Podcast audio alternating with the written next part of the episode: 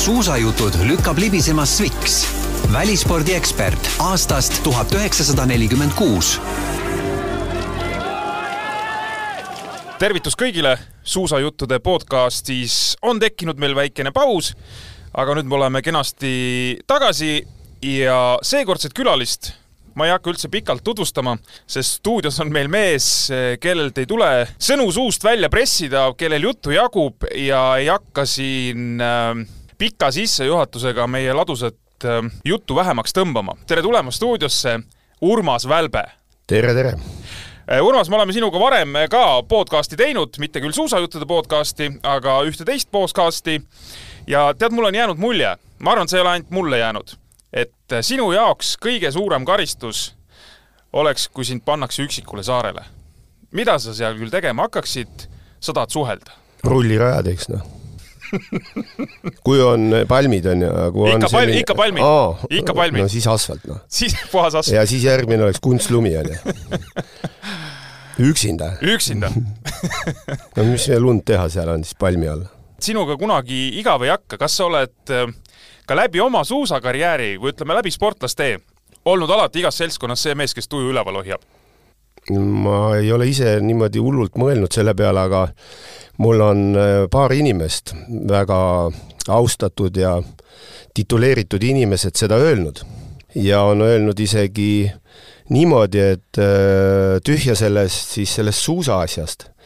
et noh, mis, mis treener sa võid olla või mis määrija või mis hooldemees või, või kui suur spetsialist, et aga noh, mingit sellist lolli mängida ja, ja ja nal-, naljaga kõike võtta, et see on, see on nagu, see tuleb sul noh, kõige paremini välja.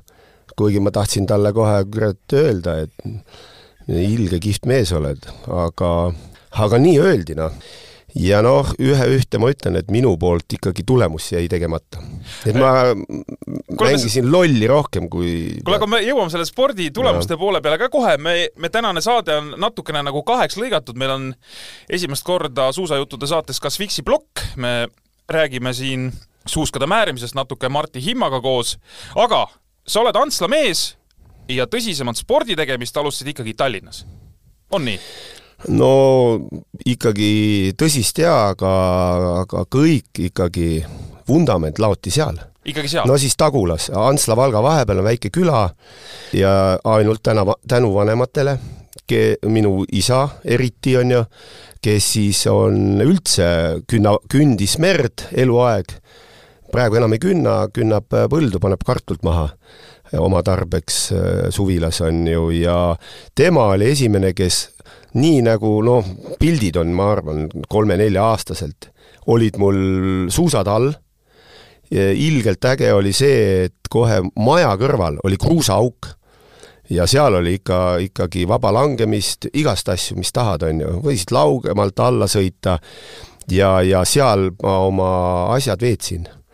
ja see, see on, kus mul üldse siis äh, kui ma siia Tallinnasse tulin, et noh, ma panin lambist äh, mingit äh, sporti, ma polnud endale üldse teadvustanud, et mis asi, mis sport. ma suusatan, et mis asi, kas, või mis trenn on.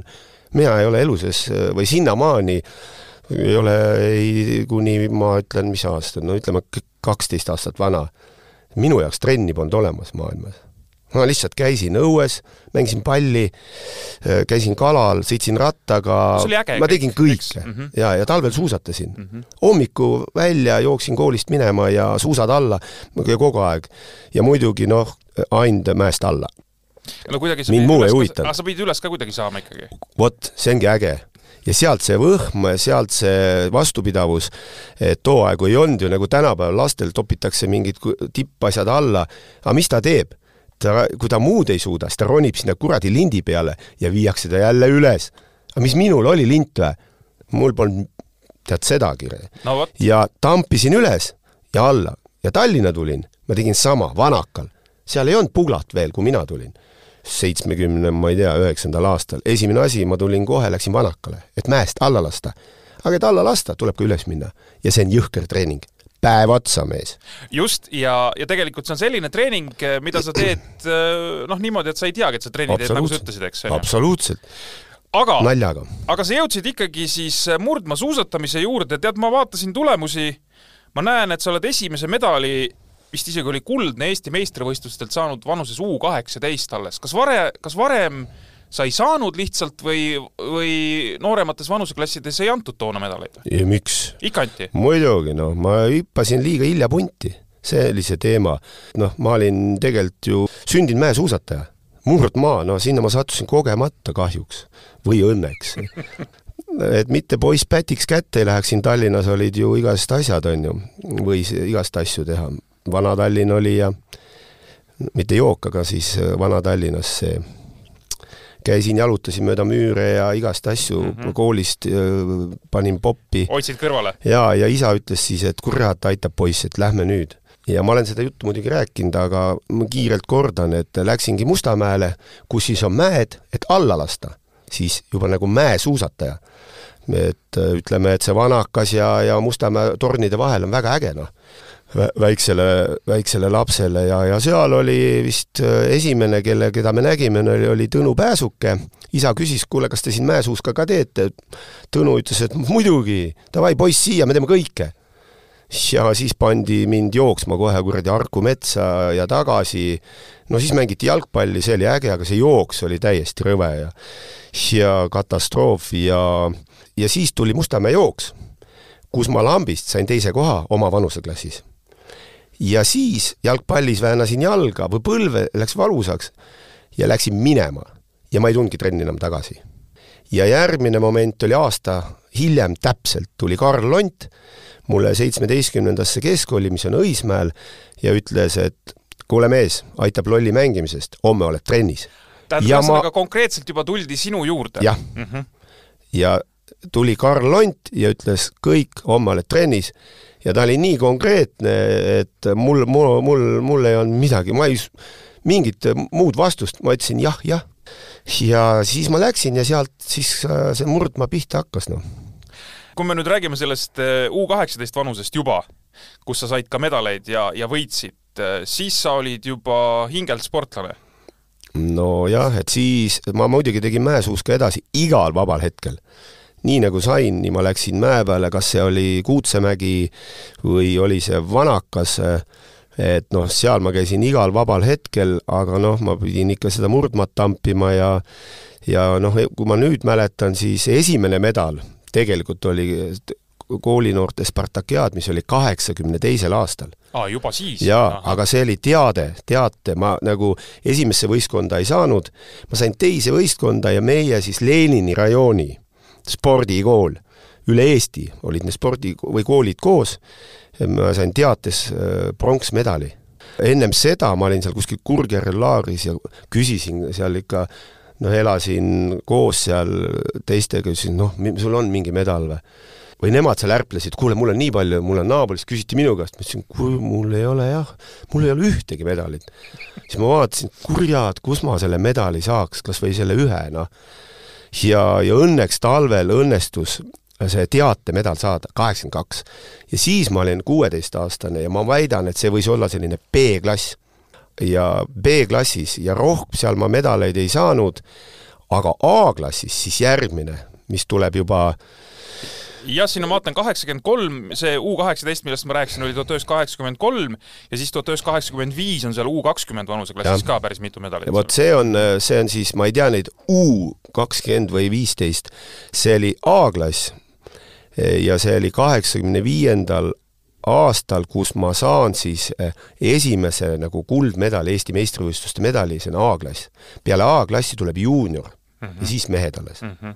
vot nii umbes täpselt. no kui sa rääk-, oled rääkinud kogu aeg ja tegelikult ma olen seda juba ka varem kuulnud sult, et, et ikkagi pigem mäesuusatamine tõmbas rohkem, aga sa olid murdmaasuusataja, tegid juba tulemust ka, tahtsid saada kusagile kõrgele ka, hakkasid tekkima sellised mõtted ka, et äkki ma, ma ei tea, jõuan liidukoondisesse välja? vilets lugu oli see, et äh, juba üli-üli varakult öö, äh, siin Eestis mul neid medaleid ei olnud aga ma sain nagu sügisel esimesele lumele kaasa. esimest korda üldse, et ennem seda nagu no ma olin paar aastat seal ikka teinud, kaheksakümmend üks ma arvan ka, et mul päevikud puuduvad, aga ma arvan, et ma olin juba kaheksakümmend üks, olin nagu platsis ja terve, terve aasta ikka panin täiega, aga mida ei olnud, ei olnud siis, no jooksin hästi, on ju. aga suusavärki ja siis mul õnnestus sinna lumele saada, mis oli muidugi Tšeljabinski oblast, Anatoli Smiguni sünnikoht, Zlato Usti, kus oli ka Karl Lont kohal ja, ja, ja sealt seal siis ma juba treenisin nii hästi, et kaheksakümne kolm, kaheksakümne kolmandal aastal talvel, siis paari kuu pärast mm, -hmm. kevadel muidugi ma panin üleliidulistel Dünamo võistlused, kuhu ma pääsesin Eesti komandaga ko, koondisega, ma panin väga hea tulemuse, mingi kaheksanda koha ja ma sain äh, üleliidulisse kutsuti mind koondisse, üle, koondisse. nagu, kuskile treeninglaagrisse, jah? kelle treenerid olid äh, Pavel Konstantinovitš Koltšin ja, ja Valentina Pavlovna Koltšina. Neid nimesid guugeldage, olümpiavõitjad ja nii edasi, aga nad tegelesid noortega ja üleliidulise Dünamo koondise noortega ja, ja, ja muidugi ma olin jumala hämmingus, et miks ma peaks kodunt ära minema, mul on siin hea punt koos, mõnus käia kurat Haanjas, Otepääl, mis siin ei ole no, lund või teha, absoluutselt mm. -hmm. ja võistelda, miks ma pean sinna kuramuse nende ma ei osanud keeltki ja, ja ei, siin öeldi, et kuule, kui sa tahad üldse midagi teha, siis lähed kohe sinna mm, -hmm. seal on konkurents mm. -hmm. Ja ma põhimõtteliselt, mul oli ikka nii kurb minek äh, sinna see esimene laager oli juba Musta mere ääres, selline Feodossias äh, maikuus, ma arvan mm. -hmm. ainult, mis mul õnn oli, üks Eesti vend oli minuga koos, Toomas Hitrov mm, -hmm. kes siis aitas, no ma, ma panin ainult Sabaka ja Dobrutra ja oligi kõik, noh mm -hmm no see oli nats lõbusam. kui ma oleks üksi olnud, ma, ma, ma oleks ära põgenenud. ühesõnaga, said kõva kooli? No julma mm. -hmm. ja seal ei olnud nalja, noh. see öeldi, mis vahet, keelt ei oska, nalja teed, sa teed ära selle mm. -hmm. või muidu mm -hmm., noh, trenni, mis, mis sa trenni ei saa teha, mul midagi jalg valutab või, ma ei jõua või. hull, et sa jääd kohe varustus, varustusest ilma ja ja üldse visatakse välja sind noh, see olekski hea olnud tegelikult oleks koju oma sõprade juurde tulnud. kuule, aga sa said ühesõnaga tegelikult ikkagi päris ruttu siis rongi peale, selle, selle suure karusselli peale ja sealt sa siis, kukkusid sa sealt nagu välja ka millalgi või see tegelikult, see läkski nagu ühe hooga edasi kogu aeg? See, see pani, pani julmalt, rong pani ilma piduriteta, aga vaat Eesti, mul oli siis kuidagi Eestis, mul ei olnudki aega enam võistelda, ma panin neid üleliidulisi võistlusi, tulin või, või ei jopanud ka nende medalitega, et ma ei mäleta, et mul oleks näiteks kaheksakümmend neli, no mingid, mingid mingid medalid olid või aga midagi, mingeid võite mingil -hmm. juhul mm. -hmm ja, ja aga mul ai, ai, alati joppas sellega, et kui oli, siis tuligi juba kaheksakümmend neli näiteks mm. -hmm. ja, ja mul oli väga paha aasta, noh, ma ei hakka sellest äh, aastast, äh, hooajast rääkima, et ütleme, et selle Koltsiniga treenides, siis see terve kaheksakümmend kolm kuni sügiseni, detsembrini, kus me läksime kogu selle Dünamoga juba üleliidulistele võistlustele, siis ma oma vanuseklassis, mitte juuniorid, aga noorteklassis, ma olin üle liidu neljas et see oli jõhker tulemus, see Koltsin ise ka üllatunud. tegelikult sul ikkagi midagi sees oli? kuule, seal on miljonid inimesed mm -hmm. ja ma olen oma vanuses neljas mm -hmm. ja juunioride klassis olid sellised tegijad nagu Vladimir Smirnov, Prokurorov, Astaškin, need on kõik mm, tollel ajal juba maailmameistrid ja seal nende hulgas, noh, need oli kõik koos nagu mm, -hmm. ma olin seitsmeteistkümnes, et ja noorte hulgast neljas, terve üle liidu, mm. seal ei olnud enam ühinguid või mingit dünamot, mm. kõik olid kohal. minu klassis võitis äh, Keena Lasutin, kes on juunioride kuuekordne maailmameister näiteks, noh hiljem tuli mm -hmm. muidugi mm. -hmm. siis ta sai küll kamandasse, aga tuli teates ja no siis mul juhtus õnnetus sügisel uuel aastal, on ju, väike õnnetus, see ei hakka pikalt peatuma sellel, kuigi peaks. oota, mis õnnetus juhtus siis? no ma rikkusin režiimi. tegelikult, ütle, tegelikult ütlen ausalt ära, ma jõin alkoholi ja ja jäid need, vahele? Noh, jäin vahele, üks asi, ja teine asi, ma sain peksa. ja mul oli peapõrutus tollel ajal. niimoodi lausa, okei okay.. ja siis ma hilinesin sinna la laagrisse, selle Dünamo, Otepääl oli laager muideks, aga kõik oli teada. ja mind visati sellest Dünamo koondisest välja. ja Koltsin ütles, sa oled, sa oled hea vend, aga ma ei saa teisiti ja mind põhimõtteliselt visati välja. ja mul oli tõsine ikkagi, mitte tõsine, aga mul oli, ei olnud hea. Smigun muidugi, Anatoli võttis mind enda juurde, kes oli siis meeste koond-, Eesti meeste Dünamo koondise treener ja, ja siis ma seal olin ja, ja, ja natukene suusatasin, aga ma taastusin kiirelt, nii et talvel ma siin eriti ei võistlenud, aga kevade poole mul õnnestus teha juba Eesti meistrivõistlusel nii hea start, et ma olin neljas ja tänu siis äh, Veljo Jõgiste haigestumisele sain mina jälle Eesti noortekoondisesse Venemaale kuhugile Uhtaasse liidu meist-, noorte liidu meistrivõistlustele, kus mul õnnestus kümnes koht võtta mm. -hmm. see oli ülikõva tulemus mm. -hmm. ja ma olin seal selles Dünamo ühingus tagasi, tagasi plõksti kuule, aga sul on kindlasti iga aasta kohta hästi palju lugusid, aga mina hakkasin vaatama su tulemuste statistikat ja, ja silma jäi selline asi, et äh, kaheksakümmend üheksa, tuhat üheksasada kaheksakümmend üheksa, hirmsad paugud, no selles mõttes paugud, et vaatad neid tulemusi, mõtled, et äh, kust see kõik tuli, sa võib-olla ütled, et see on nagu selline väga järjepidev töö ja see pidigi kuskilt tulema ja nii edasi. jaanuarikuus, noh, põhimõtteliselt, mis ta siis on, kaheksakümmend üheksa jaanuar, ütleme mingi kolmkümmend neli aastat tagasi. Kavkolova maailmakarika etapp Venemaal, Nõukogude Liidus siis toona, viisteist kilomeetrit klassikat, kümnes koht, Urmas Välbe. selja taga üheteistkümnes Björn Tääli ja, ja eespool on noh, ütleme maailma nimed siin võime põhimõtteliselt järjest lugeda. Ulvang võitis, Mikkelsplass oli teine, Smirnov oli kolmas ja nii edasi. Sa oled maailmakarika etapi esikümnes. kus selline laks? esimene asi, miks see nii oli, et ma too aasta treenisin üksi. no ma olin küll selle koos liidukoondisega, aga uitasin üksi ringi tegin juba suvel, noh, mis ma teen, matkad ja, ja rullide peal ja, ja kõik oli siis äh, aeroobne üritus. Kuidagi ma suutsin seda, üldjuhul ma ei suuda, seepärast ma tahan ikka kihutada, mulle meeldib, et kui puud kiiresti must möö-, noh, nagu mööda lähevad. ja too aasta ma tegin seda aeroobset põhja ja rahulikult, pikalt, selge see, et ma arvan, et kilometraaž oli noh, kümme tuhat, no nagu Jaak Mae oma tippaegadel ja tunnid. et jõhkralt, pikalt, aga aeglaselt, mis ongi kõige alus. eelnevalt ja hiljem ma panin üle, ma panin äh, üle nii ajaga, no siis pikalt mm -hmm. ja ka kõige hullem, mis ma tegin, intensiivsuse poolest mm. -hmm ja too aasta ma kuidagi mind, mul, mind, ma ei olnud mingis, mingis koondises, ma olin üksi, äh, kuigi olin muidugi teatud põhjusel olin, noh, käisin koos nende ässadega, Smirnovide ja nendega, Otepää kõik suvi istusin seal ja, ja käisin isegi Rams, Ramsaus lumel, on ju, suusatamas, aga kõik oli üliaeglane ja ma arvan, see oli alus. ma ei väsitanud ennast ära ja kõik tuli õigel ajal ja ma, ma ei olnud ainult seal hea ma olin terve hooaja vältel kevadel tulid äh, Nõukogude Liidu meistrivõistlused, kus ma sain isegi kolmanda koha ja, muideks. seitsekümmend kilomeetrit äh, maratondistants. ja viiekümnes paar nädalat ennem ma olin viies ja kolmas koht oli viieteist seki kauguse umbes, Sõftekaris.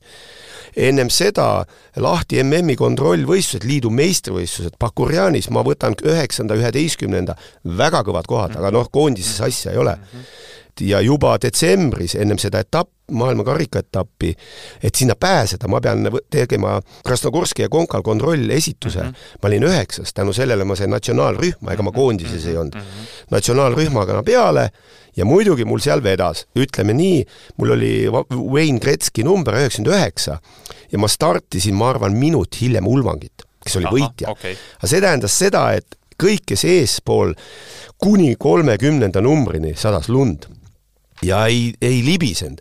no võib-olla viiekümnenda numbrini, võib-olla kuuekümnenda, et see oli peetis üritus mm. -hmm. ja siis, kui see kuum rühm startis mm -hmm. tagant alati, jäi see lumesadu ära ja lõi läiklema kõik mm, -hmm. siis Klänets, peegel, ja mina ei tea, mis see Ain Kink sinna alla möksis, aga suuski ei pidanud ja ma panin, ma arvan, pool uisku nillisin seal ja mulle see meeldis -hmm. et suusatada ei saanud tegid midagi, üks tõuge toim-, sai, siis ei saanud -hmm. aga mis oli kõva sõna, alla mäge oli kõik klaasiks ja kui sa täpselt selle raja peal oma jalgu hoiad, jõhkralt libiseb mm., sa nats eksid mm -hmm. ja sa ei loe seda kaarti, sa oled kinni raisk ja mulle see istus, see oli nagu mäesuusatamine, mulle, ma nautisin, ma panin sinna staadioni, ma ei saanud pidama, noh. ma ei tea, mis see Ulvang tegi, noh, ta pani veel paremini, ma kaotasin talle kuradi poolteist minutit võib-olla ainult, aga tänu sellele, et see ilm soosis ka mind ja minu sõbrad olid ka seal, mõned olid tagant, nii et natsionaalrühm pandi ette ja taha, mina, mul joppas sinna taha. ja, ja noh, see oli, see oli tõesti laks. no spordis peab õnne ka olema, eks. see oli õnnemäng. tead, mul on praegu see protokoll selles mõttes lahti, et sa kaotasid Ulvangile võitjale üks kakskümmend seitse, räägime siis viieteistkümne kilomeetri klassikasõidust ja Smirnov, kes oli siis kolmas, eks, temale sa kaotad vähem kui nelikümmend sekundit. no et ta seal, ütleme, ütleme ausalt, ta ei osanud seal suusatada seepärast üldjuhul on nii väikest kaotust, et äh, tänu sellele, et, et ma just äh, selle kuramuse olematu raja ja äh, sellega mul ilgelt istus see, aga selge see, et mul oli füüsiline vorm ka väga kõva. et ilma selleta, aga fakt on see, kui ma oleks startinud number kolmekümne alt, unusta ära, unusta ära mm. -hmm. liidu meistrivõistluste pronks seitsmekümne kilomeetri distantsil, see seitsekümmend tundub suhteliselt jõhker number. see oligi vist kõige pikem distants, mida üldse sõideti, eks on ju? Võistlustel ma mõtlen, on ju? jah, seal pikemat liidus. enam ju ei olnud, just. no Vaasa Lopetil oleks võinud minna. no seda küll, aga ma mõtlen, no nagu nii-öelda tavasuusatamine, et mitte ja, nagu mingi maraton, eks. et see on, eh, mujal maailmas seda vist ei olegi, aga liidus see too aeg oli, Anatoli Smigun on, ma arvan, isegi mitmekordne võitja, ja seal oli muidugi massstart, uisk, noh, mitte mm -hmm, klassika mm, -hmm. uisk, ja oli selline seis, et kõik ässad olid kohal. siis äh, maailmameister äh, Vladimir Smirnov, on ju, võitis. teine Aleksei Prokurorov. joo, no tema ka medalist äh, lahtis, on ju, samal aastal. ja, ja siis oli niimoodi, et sägad, neil hakkas külm vist, on ju. no seal jalutasime, jalutasime, pikk ring oli, ma arvan. Murmanski oblast Kandalakša või mingi Kandalakša, jumala õige. sõime Baltust ennem ja siis läksime Mass-Start ja minul, nemad siis panid nagu, tegid soojaks ühe ringi, mingi kolmteist kilti ja siis laksasid äh, nagu hooga hakkasid minema, ma vaatasin, joh, ei tea, mida ma nüüd teen. mõtlesin, ah, mis mul ikka siin teha on ju. panin järele ja põhimõtteliselt oli nii, et kolmekesi sõitsime kogu pundi eest minema, nemad vedasid muidugi, mina ähmisin järel, proovisin süüa-juua, ma ei tea, mida teha seal. muidugi viimane ring, jumala peetis, äh, kõht juba hakkas krampi kiskuma, nemad sõitsid lõdvalt eest ära, nad muidugi lõpuks finišeerisid, nad olid sellised sõbrad, et võtsid ümberkaela kinni, et saada kaks kulda, aga ei õnnestunud. kurat, seal anti sellele Smirnovile, ta oli jule pahane, ütles, et mida, näed ise, no vaata, sajandiku pealt, sajandiku pealt tulime. ja mul õnnestus siis äh, tulla lõpuni, et see punt mind kätte ei saanud. aga ma olin nii kõht, ma mäletan, ma peksin rusikaga seda kuradi kõhtu ja, ja õnneks oli see, et ma sain sinna üles ära ja lõpp oli hästi palju alla ja tõstsin käsi ja sain kolmanda koha nii et punt jäi kaugele ikka, ma ei, ma, ma ei tea palju, aga ei olnud ohtlik. aga kui sa teed sellise esituse liidu meistrivõistlustel, siis sa oled ju pildil. no oled... ma sain koondisesse, jah. said koondisesse ja., jah? Es-, e-, esimest ja viimast korda too aasta, jah liidukoondises siis? sa samadel liidukatel, see vist ei olnud sama koha peal sõidetud, eks neid liidu meistrivõistluste erinevaid äh, distantse kusagil erinevate kohtade peal sõideti, aga, aga sa oled saanud ka hõbeda teatesõidus ja ma vaatasin, et lihtsalt jäi silma, kellega sa koos seal olid. selline mees oli nagu Vladimir Sahhnov oli ka seal. no ei, kurat, sellest ma võin julmalt, see oli siis Sõftekaris ennem seda seitsekümmend, need inimesed tulid äh, lahti MM-ilt kus siis noh, äh, naisterahvad on ju, võtsid roppakauba alla neid kuldasi ja Smirnov võttis kolmekümne kulla, Proku võttis viiekümnes, ma, ma ütlen ka mingi kolmanda koha vähemalt, on ju. et no neil oli meripõlvili, naised võitsid kõik, mis võita andsid, ma ei tea, mis kullad. ja siis see, seesama Sahnov, kes oli siis minu ühingust, Dünamost, lõpetab karjääri ütles, et kõik, lõpetan tulid sinna, tegid oma maailmakarikat vist ja tulidki sinna karjääri lõpetama. Nad olid ju üheksakümmend kaheksa või tähendab, vabandust, kaheksakümmend kaheksa saanud ju ka olümpial päris no, muidugi. medaleid päris no, kuhjaga vist. no seal olid Nõukogude Liidu meistrivõistlused mm -hmm. Kalgaris, sellest me ei räägi üldse, on ju. Sõftekar on ju Koomi, meie Eesti vinnaugri sõprus. Ja, ja minul siis on vaja seal esineda julmalt, noh, mul on e-, all väga head tulemused, maailmakarika kümnes koht ja liidus ka seal oma kümnenda koha peal väga palju tulemusi, et miks mitte, on ju. Ja püüan siis valmistada ette, aga seal käib selline pidu, see Sahnov ostis ühe, ühe toa, võttis üldse siis sampuse jaoks, see oli, see oli maast laeni neid kaste täis. Põhimõtteliselt, noh, jättis hüvasti mm. -hmm. Mm -hmm et äh, ilusti niimoodi.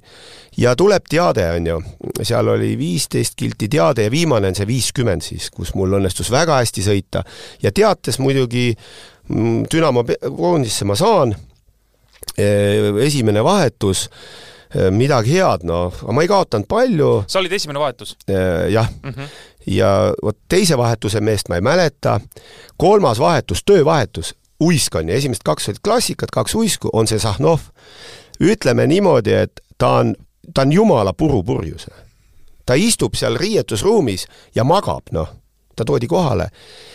ja siis öeldakse, okei okay,, kuule, noh, nüüd on su viimane start, et kurat, joo-joo, muidugi mingit probleemi. antakse veel klaas, seda vahuveini, noh mm -hmm., haput tead, talle, see paneb terve kaks kuradi klaasi sisse ja viiakse ta starti, lükatakse klambrid kinni ja see klassikavend tuleb, no ma, me oleme lähedal, me ei, me ei, me ei ole kaugel, aga esimene komanda on CSKA, seal on noh, kõik need no kõige suuremad kõige jaa, Smirnov ja Prokk, kõik need on sõja, sõjaväelise CSKA värk. me oleme Dünamo. Ja ta paneb minema ja ta paneb niimoodi minema, et ta paneb päeva parima aja üldse uisus parim aja ja tuleb jumala sinna kohe teise-kolmanda, neljandaga, kõik on koos. põhimõtteliselt annab viimasesse vahetusse äh, Kalikan äh, Kapsikurovits Nagambaevile, kes on tõeline kasahh, mitte nagu Smirnov, ta ongi, kurat, ta on nagu pann, tead see kol-, kakskümmend kolm senti kuradi nägu, see pann, praepann, lapik nägu kusjuures ta on omal ajal, paar aastat ennem oli kahekordne juunioride maailmameister ah, ja mm -hmm. Asiagost mm, -hmm. isegi mäletan okay.. ja ma olin temaga koos seal ka selles äh, hiljem selles liidukoondises äh, siis äh, ja noh, samal aastal siis alustasime. ja tema siis paneb finišit seal kolmanda, teine, teise koha peale ja ta panebki jalga ja saabki teise koha. Ja me siis ronime ja mina teine koht liidu meistrust teine koht. ja tänu se sellistele meestele. no aga sa pidid ise ka jõudma sõita? no jaa, no võetud, ma ei tulnud seal esimestega, aga ma ei kaotanud palju, võib-olla kolmkümmend, nelikümmend sekki et see oli fantastika, noh. sa said liidukoondisesse, igasuguseid gruppe oli seal, kas see oli see mingi Nautšna eksperimentaalne grupp? ei, see oli nüüd see, millest me praegu rääkisime, kaheksakümmend üheksa. see oli päris liidukoondis? see oli päris liidukoondis, seal oli ainult kaksteist meest. ainult kaksteist meest? kaksteist mm -hmm. meest. seal ei olnud mingeid gruppe mm, -hmm. see oli kaksteist meest, noh, selge see, et seal oli abitreener, on ju, kes äh, juhendas nagu nats nooremaid nagu mina, sest ma olin ikkagi küllaltki teist aastat alles meesteklassis, on ju. sa olid mingi kakskümmend kolm, midagi sellist, eks, on ju, jah? jaa, noh kaheksakümmend üheksa, kuuskümmend kuus. jaa, ikkagi noor. jaa, no nemad olid juba tegijad mm -hmm. ja tegijate treener oli teine ka, Kasahstani treener, Filimonov vist või no ei ole vahet mm. -hmm. ja Kasahstanist olid seal üldse koondises kuradi neli tükki vist no aga mis sa Kasahstanis teed, suusatadki? jaa, eesotsas Smirnoviga ja nemad panid oma programmi sellest, seal olid, no me võtsime nats rahulikumalt, et nende hulludega ko-, kokku uh, anded ja need teise, teise, teine mootoriklass ja meil oli seal paar noort, seesama Lasutin oli kuuekordne maailmameister muideks oli koondises. aga see, mis sa küsisid, see Nautšni grupp, see oli kaheksakümne viiendal aastal. see oli kaheksakümne viiendal juba varem, jah? et ja siis mm -hmm. sinna pea, Dünamos, siis ma olin Dünamo koondises, üleliidune Dünamo koondis, noortest muidugi, mitte meestest mm, -hmm. ja siis loodi noortetiim, ma olin veel juunior, kaheksakümmend viis mhm. Äh, millegipärast, no mul õnnestus ka liidus paar head äh, starti teha, äh, tänu sellele siis pandi seal meid kokku, ma ei teagi, kuus inimest mm, -hmm. olid nooremad, mina olin, kuulusin sinna väga noorte hulka ja, ja olid ka vanemad ja meid siis kupatati kuhugile Kirgiisiasse, Kaskassuu mäe ahelikus elasime ja suusatasime nelja tuhande meetri peal näiteks. katsejänese? jumala õige. jumala õige ja, ja meile anti varustust, musta kalamarja mm -hmm. hommiku, punast õhtul või vastupidi, Issikulli järves käisime tegema spetsharjutusi, jooksime järves mm. -hmm. meie juhendaja oli rattaspets kogu aeg rääkis Giro d'Italiast mulle. Okay. Maggiuga oli ta nimi, guugelda, Maggiuga. ja ta ütles, kuule, jalad, jõle tähtis, uisusamm tuli, vaata, mhm. kaheksakümmend viis, Kundesvaan mm -hmm., Seefeld mm -hmm. ja meie kohe sügisel ainult uisku et noh, see on kiire ja tema ütles ja tegi neid hüppeid ja väga äge, aga suusatamist ta ei teadnud midagi mm. -hmm ja siis, ja kõige tähtsam, meid jälgiti sellepärast, et mis toimub äh, sportlasega, kui ta seal nelja tonni peal istub mm -hmm. terve suvi kujutad sa ette, tulime alla, kahe tonni peal magasime ja siis jälle mingi üles transportööriga mm üles, siis natsi jala ja tegime oma suusakooriku äh, peal hommikul neid treeninguid ja see, see eksperimentaal kestis kaks aastat. mina olin esimene aasta, siis ma läksin ära sealt ja siis pandi uus grupp ja läks järgmine, kus oli ka eestlane, Veljo Jõgiste. järgmine okay, aasta okay. osales pärast hilisemalt on ringlenud äh, mingid jutud, et, et seal võib olla äh, su tervis noh, selles mõttes kuidagi mingis mõttes nagu tuksi keerati, vaata sa ütlesid, et sa olid päris tihti haige ja nii edasi. oli see siis sellega seotud või ei olnud? ei olnud? ei, mingil mm -hmm. juhul ei mm. -hmm sellepärast et äh, seal oli, kõik oli täiesti tasemel, no okei okay,, seal tingimused, elamistingimused, toit oli ülikõva, meil oli oma kokk muideks, kohalik, kes pani, keetis seal Peshparmaki ja Tümlamaad, mis siis äh, kokkuvõttes on ühepäevatoit, on ju. Džingis khan, on ju. Džingis khan ei söönud seda, jõi ainult leeme ära, on ju. Ja meil oli megatoitumine, meile anti varustust, äh, pärast tulime võistlema ju. Ja kõik hotellid siia-tänna, et, et ja, ja muidugi ma saan aru, mille peale siin kõik vihjavad, et kas siis meditsiiniliselt ka, ei, meditsiin ei huvitanud mitte kedagi, sellepärast ainult huvitus, kuidas see inimene seal nelja tonni peal, mis vormi ta saavutab, põhimõtteliselt jäi ellu ainult üks mees no mina ka jäin ellu, ütleme nii. kui kaheksakümmend viis me sinna läksime, siis äh, suvel, see oli siis nagu kaheksakümmend viis, kaheksakümmend kuus hooaeg ja kaheksakümmend kuus oli Nõukogude Liidu talispartakiaad Krasnojarskis, kus minusugune pääses komandasse, Eesti komandasse, see oli juba Eesti mm. -hmm. ja ma tegin seal väga hästi, teates tulin kolmandana sisse, et ei olnud paha juuniori kohta. noh, distantsidel ma nelja, neljakümne mingi kaheksas võib-olla, et meie liider Teppan oli, pani hästi selle, sai isegi vist neljanda koha viiekümnes, mina seal ei osalenud, noor on ju, et ei läinud väga peeti see hooaeg, aga näiteks, kes minuga oli, Igor Padamšin on ju, Gavriljuki tulevane mees, Niina Gavriljuki tulevane mees, sama aastakäik nagu mina, tema pani seal, olles siis juunior sai üheksanda koha, mis on ülimega. no jälle mingi Smirnov, Sahnov mm, -hmm. ma ei tea, Devitjarov, Burlakov, sellised inimesed võistlevad seal kõik üle liidu mm -hmm., talispartakiaad on ju mm. -hmm. ja, ja tema pani hästi, äh, liikus noh.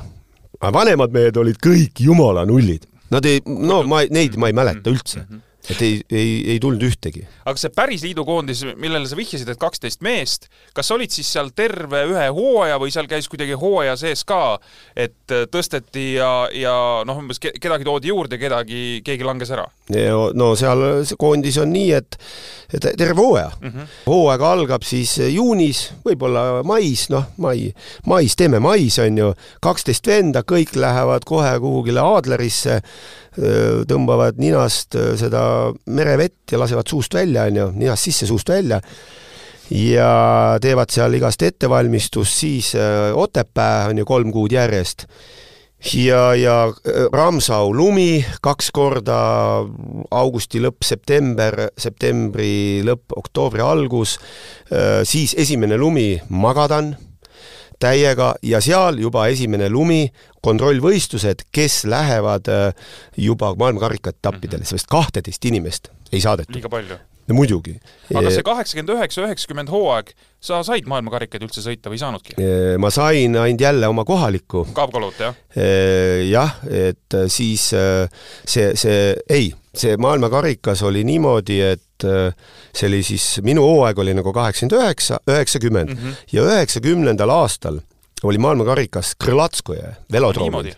no mitte velodroomil, aga seal, kus see kaheksakümmend olümpia oli seal suusa või selle rattaraja täpselt mm. -hmm. sa tead paremini. no kuskil metsas ka ja ma pääsen sinna muideks läbi jälle kontrollvõistluste, ma ei tea, mis koha ma seal sain, onju, ja ma pääsen sinna, aga jule külm ilm ja ma olen haige, ma ei osale mm. -hmm. Elmo Kassin saab seitsmeteistkümnenda koha. Kundesvan võidab muideks mm, -hmm. mul on meeles, ma olen koha peal ja Kassin paneb ülikõvalt, seitseteist maailmas aga Elmo pidi siis olema ka kusagil liidulistel, ta oli- võistlustel nii-öelda selle koha välja sõitnud? jaa mm, -hmm. see oli Krasnogorska ja Konka, kus siis äh, kaheksakümmend üheksa äh, detsembri, täpselt meil jõulude ajal on need võistlused, võtad osa ja pannakse kokku siis äh, noh, koondis, kes on maailmakarika ässad, need näguni, on ju, neil on vabapääse, noh, ma ei aga tea, siis rahvuslik grupp nii-öelda. täpselt ja neid oli palju mm. -hmm. sellepärast nagu ma ütlesin, üks aasta ma olin nel-, neliteist nendel kontrollvõistlustel ja ma sain peale. ja seesama hooaeg juhtus veel selline huvitav asi. Eesti teatemeeskond liidu meistrivõistlustel saab hõbeda, Eesti teatemeeskond saab suusatamise liidu meistrivõistlustel hõbedale, seal sõitsid siis äh, sina, Elmo Kassin, Jaanus Teppan, Peep Koidu. jumala õige Te olitegi nii tugevad? siis põhimõtteliselt see on sama hooaeg, kui ma olen koondise hooaeg, Mhm, kaheksakümmend üheksa, üheksakümmend, aga noh, see on juba siis, kui vaat too hooaeg eh, tiitlivõistlusi ei olnud, üheksakümmend, et siis ma juba tolleks, tolleks võistluseks ma juba harjutan eh, omaette, seepärast eh, mina maailmakarikale ei pääse, koondis sõidab ja juba ma ütlen sulle, et noh, ütleme detsembri lõpust juba, kui nad läksid maailmakarikale, siis oli juba suva siis enam nagu koondis pani rõhku maailmakarikale ja ülejäänud, kes ei pääsenud, need vaatasid ise. noh, minu meelest ei tehtudki üldse. mina kolisin siis Ain Kingsi juurde, Eesti koondise juurde üle, tegin oma asju, läksime muidugi, ees, eesmärk oligi Spartakiaad, kus siis Eesti oma sinimustvalge lipuga, muideks olime pjedestaalil, aa, nii lausa juba, jah? Äh, tüdrukud siis eesotsas Eveli Petersoni ja Luukin, Kris-, Kristi, Kristi Luukiniga. me võin pilte näidata, juba too aegu, üheksakümmend, see hõbemedal, ronime sinna, anti mingid medalid ja need on tagas sinimustvalgega jumala äge. aga see oli ja selleks me valmistume, lähme mägedesse, on ju, Bakurjani, kõik teavad, Gruusia, Gruusiasse. Hain Kinks on peatreener, muidugi Mati Alaver on tüdrukutega seal, naistega. valmistume nagu vaja, siis kolime sinna, muideks see oli Ukrainas. lendasime Lvovi, see Spartakiaad, Nõukogude Liidu rahvaste tali Spartakiaad kolime siis sinna baasi, mis on siis Tõssovets, Skoole on küla nimi, noh, täiesti äge koht, on ju. et ma ei tea, kas ennem seal üldse midagi on olnud ja peale seda, aga seal on see Spartakiaad ja muide, peatlanistid on seal kohal. ja Eesti peatlanistid tegid ajalugu ja seal antakse välja, anti Spartakiaadi kuld ja ka liidu meistrivõistluste kuld, sa said kaks kulda. ja seal Illar Sahkna võidab pronksmedali, ainukese liidu meistrivõistluste ainuke medal on Hillar Sahknal Nõukogude Liidus, jätke see meelde. ei Tõnu Pääsuke, ei laskesuusatamisest Jaa. ja. ja Olav Mihelson on neljas, kaotab Sahknale kuradi kaks sekundit või null koma mm. -hmm. nii, ja meie tuleme sinna, noh, ei lähe distantsid nii hästi. Elmo saab ka mingi kahekümneses oleme, no ma, mina sain vist mingi kolmeteistkümnenda koha ennem teadet noh, sitasti, ütleme sitasti, Elmo Kassin on ka kuskil seal, ma ei mäleta, äkki seitseteist, Teppan on ka kuskil kahekümnel ühe, me oleme kõik seal ilusti kahekümne juures, teeme nii. et ei ole milles, aga noh, kurat, nalja teed, nalja teed muidugi. ja, ja, ja siis tuleb teade, kõigil on jumala poogen ja siis pannakse koondis lambist kokku, nagu sa ütlesid, Peep Koidu sõidab klassikat esimest vahetust, Teppan noh, meie liider sõidab teist klassikat. kes oligi just klassikasõitja. ja, ja, ja mm -hmm. Elmo paneb kolmandat töövahetust ja ma panen siis lõppu finišit. ja tulevad vennad jumala lähedal, kõik on tuuta, ainuke, kes siis, kellel õnnestub jälle ära sõita, on mingi Moskva linna, mingi Moskva koondis, oblasti koondis ja seal on jälle kõik need liidukoondise vennad. prokurorov näiteks täpselt, täpselt noh mm -hmm.. Smirnov oli Kasahstan mm -hmm. muideks. jumala äge ja, ja, ja siis hopa, Kassin tuleb, annab mulle teate üle, mina mingi viiendana mm, -hmm. aga see teine koht on väga lähedal. noh, sekundite mäng, kakskümmend sekki, noh. ja, ja ma ei mäleta, mis Sverdlovsk võib-olla, on ju, ja mina, annab üle ja mina saan minema koos Moskva äh, oblastiga mitte Moskva linn ja oblast olid eraldi, eraldi., koondised, jule pull. no ma ei mäleta, kas see oli linn või oblast, aga seal on Mihhail Patvinov, on mm -hmm. äh, ankrumees okay. ja me läheme koos, sõbrad, minema, kellega ma olin koos koondises, lähen minema. ja seal on lund vähe ja täiesti selline, mingi rada läheb, kõlakas ja ma, ja seal on rada on äge raisk. Stardist lähed kohe ilge downhill raisk, julm downhill. mina panen kohe ette patva taha, ilge hooga alla raisk ja vaatan. Kurat, teine koht. On mul siinsamas juba noh. No ma ei mäleta, võib-olla oli see teine ring, mitu ringi oli, kümme kilti on ju. võib-olla esimese ringi võtsime rahulikult, aga mäest alla ma panen ikka täiega. teine ring, mehed on siin, on ju. siis lähme, siis ma seal hakkasime vaatama, et no kuule, siin on teise koha peale mäng. no jaa, ja teise koha peale on siis olen mina, Eesti, Moskva oblast Patvinov, võib-olla see Sverdlovsk ja veel üks meil, neli mm -hmm. tükki teise koha peale mm. -hmm siis äh, kuradi kaks venda jääd medalist ilma, onju. ja panen Patvaga ja ütlen Patvale, et davai, viimane ring, et ma panen nüüd eest, tule seda laskumist, et äh, ja vaata, mis saab. Ja paneme laskumist jälle mõnuga, tuleb siis juba seal sile, vaatan taha, mehi pole. no vahe on sees. siis ma ütlen, Miša, davai, et noh, ja Miša saab aru, nüüd on see võimalus, et meil on medalid kaelas, et paneb tema nüüd ülejäänud asja, mina hammastega taga raisk ja Missa paneb mõnuga. Missa on vormis raisk ja tuleb viimane tõus ja siis on pikk silemaa finišisse. tõusu peal mul on raske, põhimõtteliselt jään maha. Vaatan järele taga, kuule kolmas koht viisteist, jule hea meel, tead. Saan üles äkki kuidagi ja, aga Miisa vaatab ka, vahe on sees. Mm, -hmm. mina ei tea, äkki oli vähe viis sekki või noh. Mm -hmm., aga vahe on sees. ja jõuame ülesse. Ja, ja siis on pikk sirg. Kurat, kilomeetrit ei ole, võib-olla on niimoodi. ja mis sa, ma ei tea, mis ta tegi seal. Ja mul, ma taastun kuidagi ja mulle see jää ja kõik meeldib. Ja ma saan ta, võtan ta kinni. Kujutad ette? mis sa vaatab, ohoh, mis, mis nüüd on? ja ühel hetkel ma saan aru, et kuule, ma olen päris hästi taastunud. mida, mida kuradi, no mida sitta tast, sellest kuradi Patvinovist, et proovin kitsas, on ju. et pro proovin, et pärast äkki teen mingit blokin, ma ei tea mida, et sitta see sõber raisk. ja panen niimoodi sellises kohas, et tema sõidab ees, et noh, no siin ei ole midagi võimalik. ja lähen ühe suusaga, olen lume peal, no teine suusk on jumala sambla sees juba. ja panen ühepoolse uisuga ilge lataka, on ju, saangi mööda. see vist ei saanud arugi, et mida ma teen siin, et mis, mis asi ja olen tema ees ja panen ja siis on juba kuradi mitu rada ikka finišis mm ja panen hüpetega oma kuradi kammajad raisk selle tehnikaga, mida lastele näidata ei tohi. ja tõstan käed, olengi teine, mis sa kuradi ei, ei suuda kiirendada. tiitlivõistluste medalimees. ja nii oli raisk. kui sa sinna liidukoondisesse sattusid ja sa teadsid, et ümberringi on kõik sellised noh, nii-öelda maailma tipud kas endal tekkisid mingisugused mõtted ka pähe, et äh, oot, et äkki ma saan ka nüüd äh, maailmameistrivõistlustele või olümpiamängudele või? no viletsad mõtted tekkisid. esimene asi, mis oli, mida ma ei oleks tohtinud üldse mõelda, oli see, et noh, minu ikkagi moto ja, ja mõtlemine oli see, et ma pean nendega trennis mingitki sammu pidama. ma seda ei tee, mind ei ole olemas. no kuida ma võidan, kui ma, ma ei suuda kuradi taga trenni teha isegi, on ju teatud trenne. aga see oli vale ma oleks pidanud oma asja ajama, nii et ma ikkagi klammerdusin, vaatasin seda Smirnovi, kes on täiesti maailma tipp, on ju, juba maailmameister ka, ja, ja mis me kuradi sellest Kalgarist me ei räägi üldse, kuule. Mhm, ja mhm. Proku, topeltvõit, kuule, halloo. Ja, ja ikka ma, ja ma tõmbasin üle sada protsenti. ma, ma ei oleks neid tohtinud vaadata ega mõtle, mõelda, nemad on nüüd kõvad ja kui ma nendega koos käin saunas või trennis mm -hmm. ja ma saan sama kõvaks mm, -hmm. ei saa. Mhm. jätke see meelde. ja tegin vea et aga noh, mõte oligi, et ma panen nendega võrdselt ja siis ma olen ka maailmas võrdne. kuule, ühest võistlusest või õigemini kahest tahaks veel rääkida, et äh, tuhat üheksasada üheksakümmend üks Eesti ei ole veel vaba, see on siis kevadel, märtsikuu, Faluni maailmakarika etapp, Urmas Välbe on seal peal, saab kolmekümne kilomeetri vabatehnika sõidus üheksanda koha. ja kes on selja taga jälle?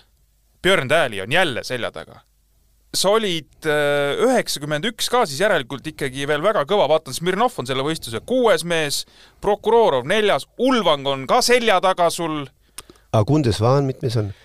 Äh, vaat siin ei ole, siin ei ole, siin on niimoodi, esimene on Forsberg, Morgren ja Otosson. ma ütlen sulle. nii kuueteistkümnes. kuueteistkümnes. ta on maailmameister mm -hmm. Valdi Vemmest samal aastal, kolmkümmend, klassika võidab, aga ta lõpetab karjääri. ja lõpetab ta laseb karjääri. tirri juba ja okay. ta on kuueteistkümnes okay.. nii et elus ainus kord, kus mul õnnestus Kundesvani võita, on seesama võistlus? on see maailmakarika etapp tema kodus siis, Faalunis ja ei ole mingi naljaetapp, kolmkümmend kilti.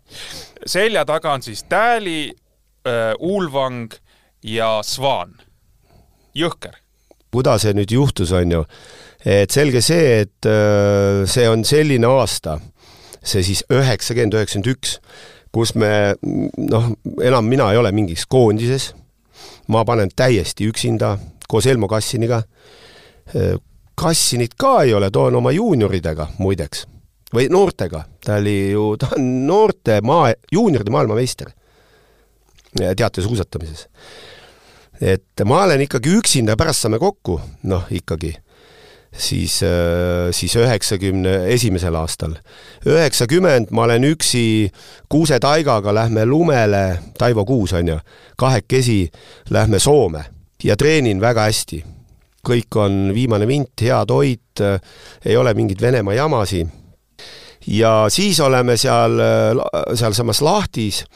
Ja, ja muidugi meil on Vaaluni jaoks äh, lii-, liidu koondise poolt numbrid olemas, stardinumbrid, mingid probleemid, tule ainult kohale, ise. ja Ain ütleb, kurat, küll, mis teha, raha ei ole. Ja seal satub üks inimene, ütleb, et et aga mul on äh, Vaalunis jumala olemas inimene, kes teeks kõike. kõne. Ja inimese nimi on Gunilla, antud juhul see Gunilla Perroni, ta on Itaalia mees, on ju, ise on ta täisrootslane, on Vene koondise tõlk ah,. Atašee, mitte ainult tõlk, atašee on ju. Kunilla ütleb, Eesti mehed, muidugi nad võivad minu poole elada, ma annan isegi süüa neile.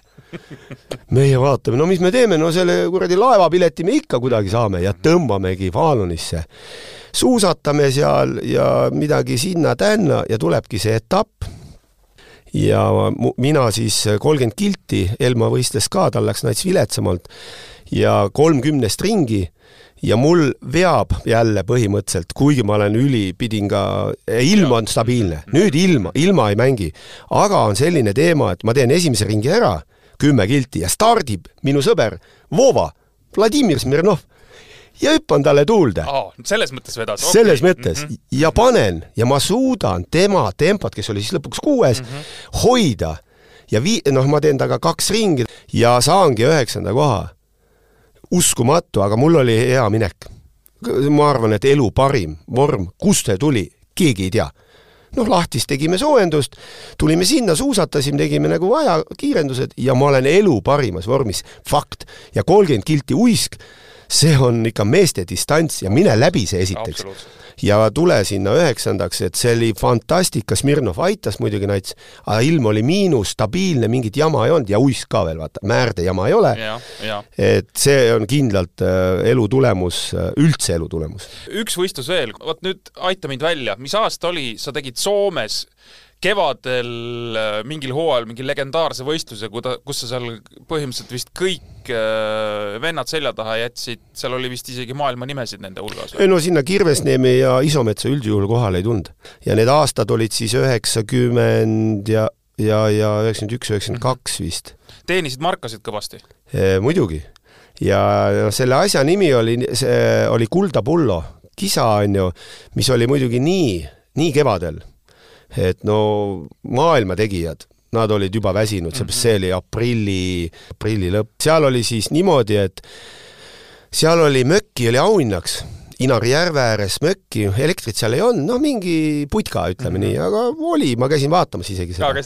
ja see oli, see oli niimoodi, et äh, isegi omal ajal Juha Meedo ja see oli jule, jule traditsioonidega üritus mm. -hmm. aga asi oli selles, et sa pidid kolm korda järjest võitma, võitma., mitte kolm korda okay, võitma, aga järjest mm. -hmm. saad möki ja sa kujutad ette, mul muidugi siin Eestis midagi teha ei olnud, suusatada äge ja me siis seal jälle suusatasime selle, seal olid teisi ka, noh, Elmo Kassin oli noh, nagu alati Mhm. pundis, kellega me siis ka sinna läksime ja panime ja, ja mul tasane maa, ükskord oli Järve jää, mis ükskord, no ikka mitu korda oli, ainult Järve jää, täis silemaa.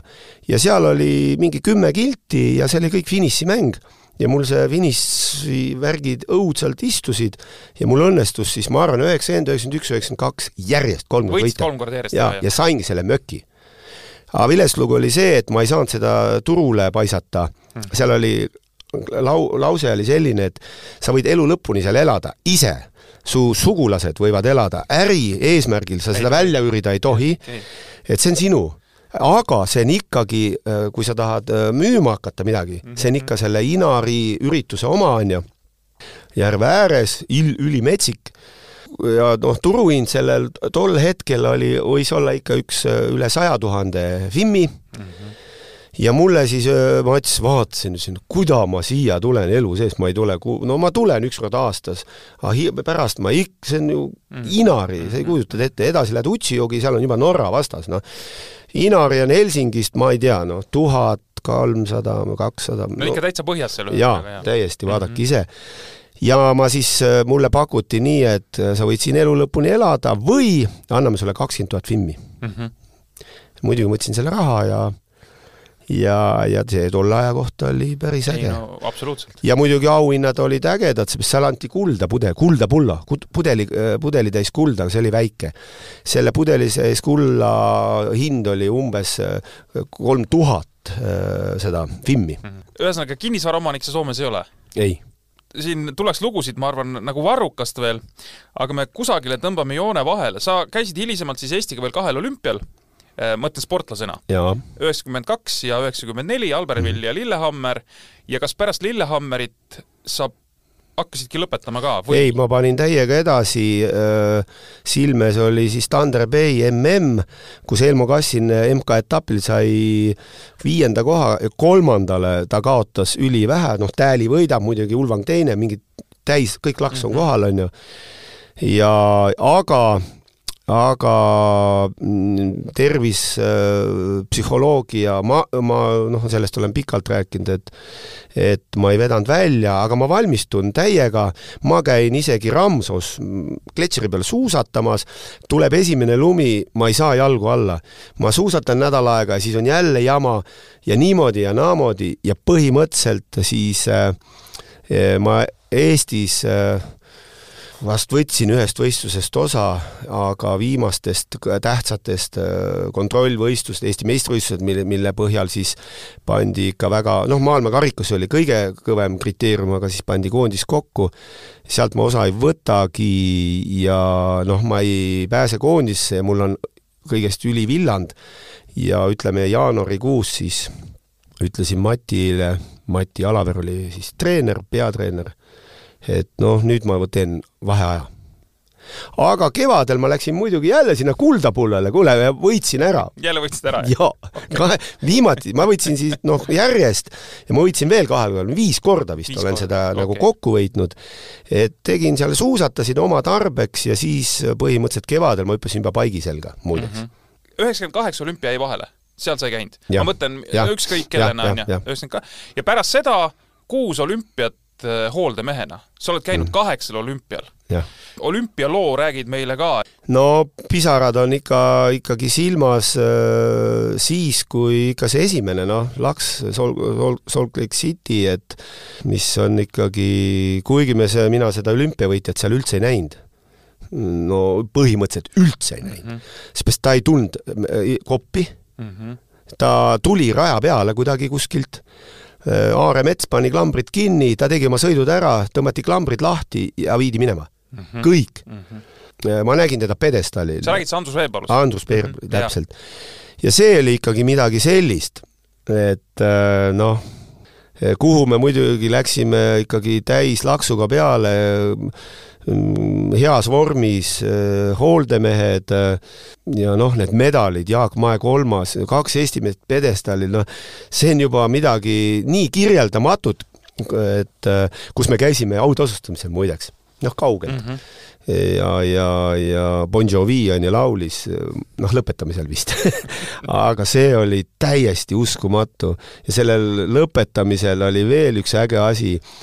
Me saime kokku Monaco Albertiga, prinsi, prints Albertiga.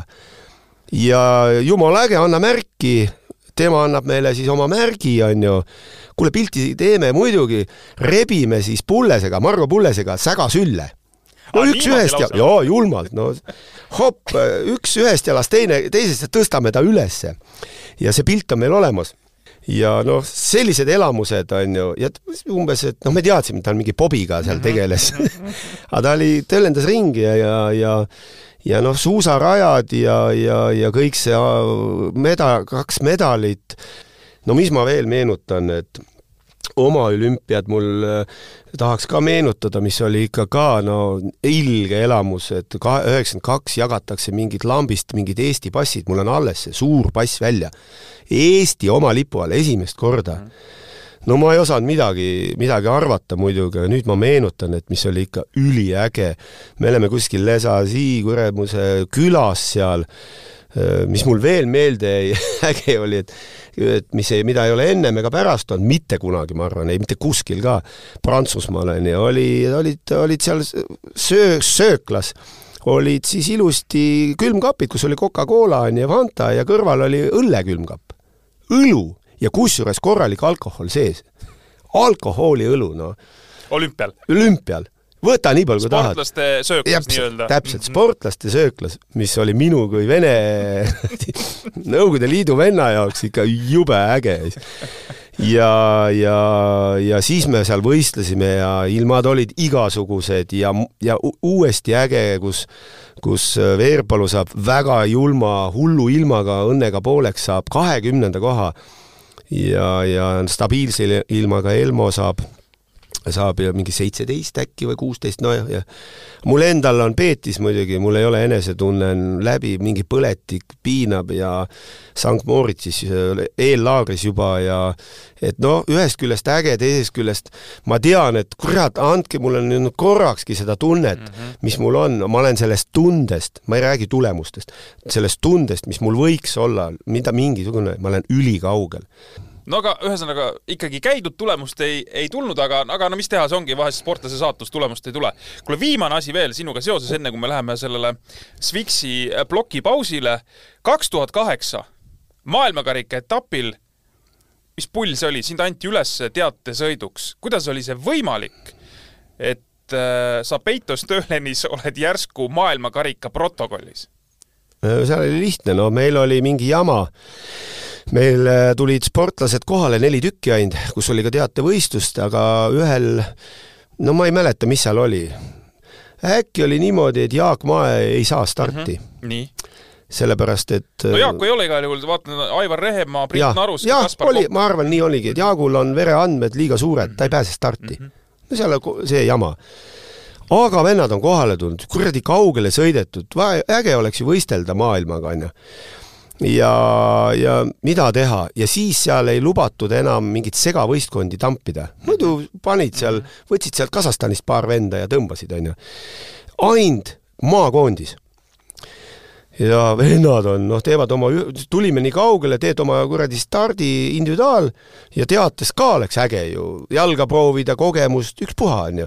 see on ikka maailma mehed on koos et ei saa, Ulvang on seal Wissi boss või mina ei tea, Race Service või mis rei-, võistluste direktor või võistluste direktor on ju ja mm, -hmm. ja Mati on seal jälle jumala nukker, kuramus, no kurat, äkki kuidagi saab, kuule, teeme, noh, mis vahet seal on, on ju pane Rehemaa sinna kaks korda, noh.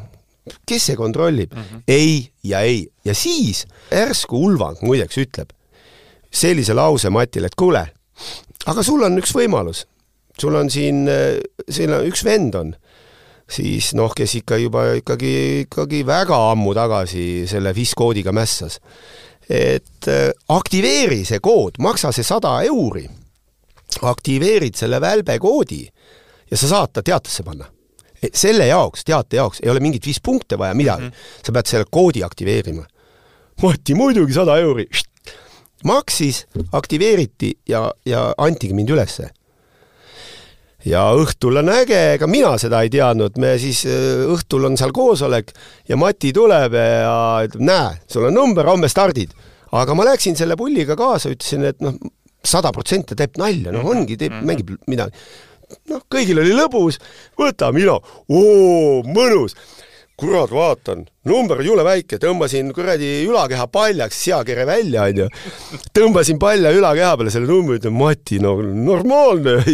ja Mati ütleb, et ei, kuule, et noh, see ongi ametlik, et sa, see ongi sinu number, et homme on see. ja mina, et ja räägib loo ära, ma ütlesin, mhm. ohoh, davai, kes hooldemees on? ei no muidugi teeme sulle suusad ja Mati muidugi ütleb, et kuule, lihtsalt töllendad seal. maksimum, mis sa teed paned stardist minema, keerad boksi, kõik. no see oli nagu viimane vahetus, ülejäänud saavad oma sõidu ära teha ja, ja sa oled ja, nagu ja mina, et mm. maksimum noh, et mitte väga niimoodi katkestad mm, -hmm. põhimõtteliselt kohe noh mm -hmm., või põhimõtteliselt ei ole vaja üldse starti minna. mina siis, mida kuradit, ikka lähme, siis vennad panid mingit klotsi sinna alla, pulbrit ei hakanud raiskama, onju suusad valmis ja olen seal ja võimlen, on ju, ikka ja viimane vahetus tulevad, no te, kõik on läinud, on ju. ja õnneks on niimoodi, et meie mehed tulevad koos Jaapaniga ja soomlasega. Soome ja Jaapan ja ma lähen nendega koos välja ja mõtlen, et ma mul kurat, näen, et niimoodi, et tulevad koos. kuule, jumala äge, noh, pentsik oleks seal üksinda kakerdada mhm. täiesti nõme, tõmban, mitte kedagi ei ole, olen üksinda, lähen statalt minema, noh, ma lähen nendega, onju. kõik suusad alla, kepid mul on, onju, kombe ka, panen minema, tuules vaatan, kurat, satad läksin minema, ei ole hullu. silemaa niimoodi läheb. ei olegi hullu, tuleb laskumine. no laskumisele, ikka ma lähen laskumisse, vaatan, kuidas suusad libisevad, suusad libisevad hästi. panin isegi kurvis kuradi maha, ei niitnud kedagi, aga panin ikka kohe ette ja siis hakkab tõus vennad paned jalalt jalale ja mina ka jalalt jalale panen selle tõusu ära vaatan, et joo-mai-joo, ega siit edasi vist. hea küll, proovin järgmist ka, no olin tuules, kuradi istusin ära, laskumisel saan nats puhata, aga taastumist ei tule, ei tule ja siis tuleb teine tõus. seal on ainult üles-alla kuradi peitust tööle no siis ma kakerdasin selle üles ja, ja seal juba kõik karjusid raja ääres, et kuule, et käsk on maha tulla, mida sa lolli mängid. sellepärast, et Tiit Pekk teeb ülekannet ja vaatab. ei no siin meil Eestis jah, et viimast vahetust ei tule ja nii ja naa, küsi Tiidu käest täpsemalt. Ja siis vaatab. Hoba, tabelile tuleb vaheaeg Eesti vaheaeg. Eesti on pundis.